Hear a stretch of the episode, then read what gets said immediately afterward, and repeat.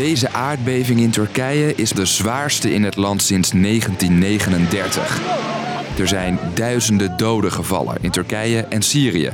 Huizen zijn verwoest en complete wijken liggen in puin. Vanuit alle delen van de wereld is hulp gestuurd. Ook Nederland stuurt een speciaal reddingsteam. Ja, het klinkt raar, maar het is mooi omdat je gewoon wat kan doen. Ik ben Dennis en ik leg je uit hoe Nederland helpt na een ramp in het buitenland. Een podcast van NOS op 3 en 3FM. En die çocukların altta kaldı. De schade na de aardbeving is enorm. Op luchtvideo's zie je dat flats volledig zijn ingestort. Zelfs complete woonwijken zijn nu niet meer dan een berg puin.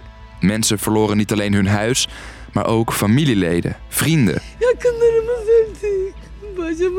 Deze vrouw heeft haar nichtje van 17 verloren. En, zegt ze, er liggen nog meer mensen onder brokstukken. Çıkarılmadı. Bewoners van getroffen gebieden zetten alles op alles om mensen te redden. Maar zoals deze man zegt, zonder zware machines kun je niet zoveel.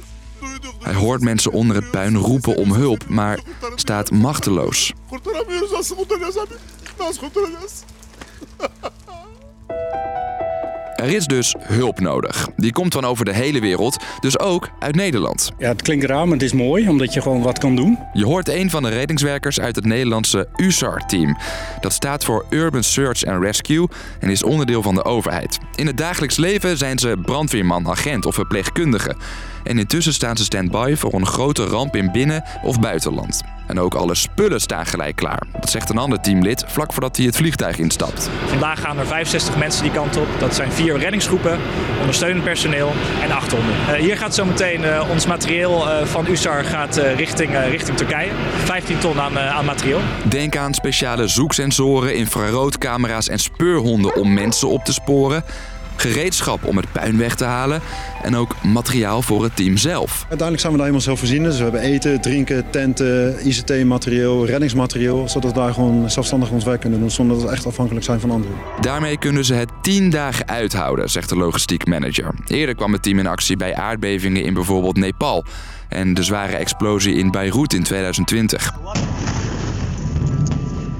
Het team kan binnen 4 uur overal in Nederland zijn en binnen 6 uur vertrekken naar het buitenland. Zodat we eigenlijk altijd eh, direct inzetbaar zijn. Zoals vandaag eigenlijk ook gebeurd is. Hè? Het is op de knop gedrukt en binnen een, dag, eh, of binnen een halve dag staan we klaar. Naast de USAR, die dus vanuit de overheid wordt gestuurd, zijn er ook nog hulporganisaties, zoals het Rode Kruis. En we gaan natuurlijk meteen in kaart brengen wat is er aan de hand en hoe kunnen wij onze collega's in andere landen, in dit geval in Turkije en Syrië vooral, ondersteunen.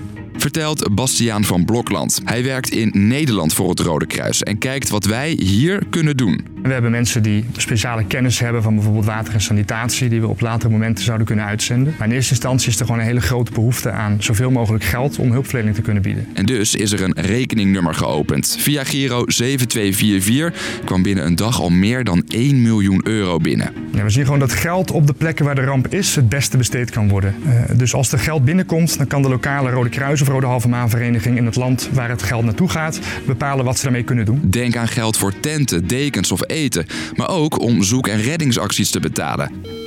Ook hebben veel Nederlanders familie in het getroffen gebied, zoals Ahmed. Ik heb alleen maar gehoord van een tante van mij dat, ehm, dat er wel mensen overleden zijn in het dorp, maar niemand weet wie en er is ook geen contact mogelijk.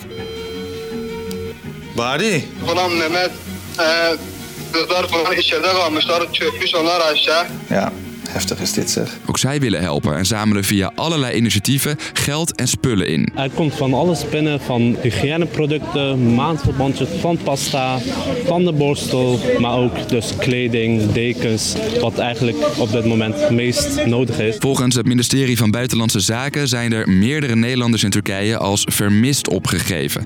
Op het moment dat we deze podcast maken, zijn er geen Nederlandse doden of gewonden bekend. Dus, lang verhaal kort. Vanuit de hele wereld gaat er hulp naar de Turkse gebieden die zwaar getroffen zijn door de aardbeving.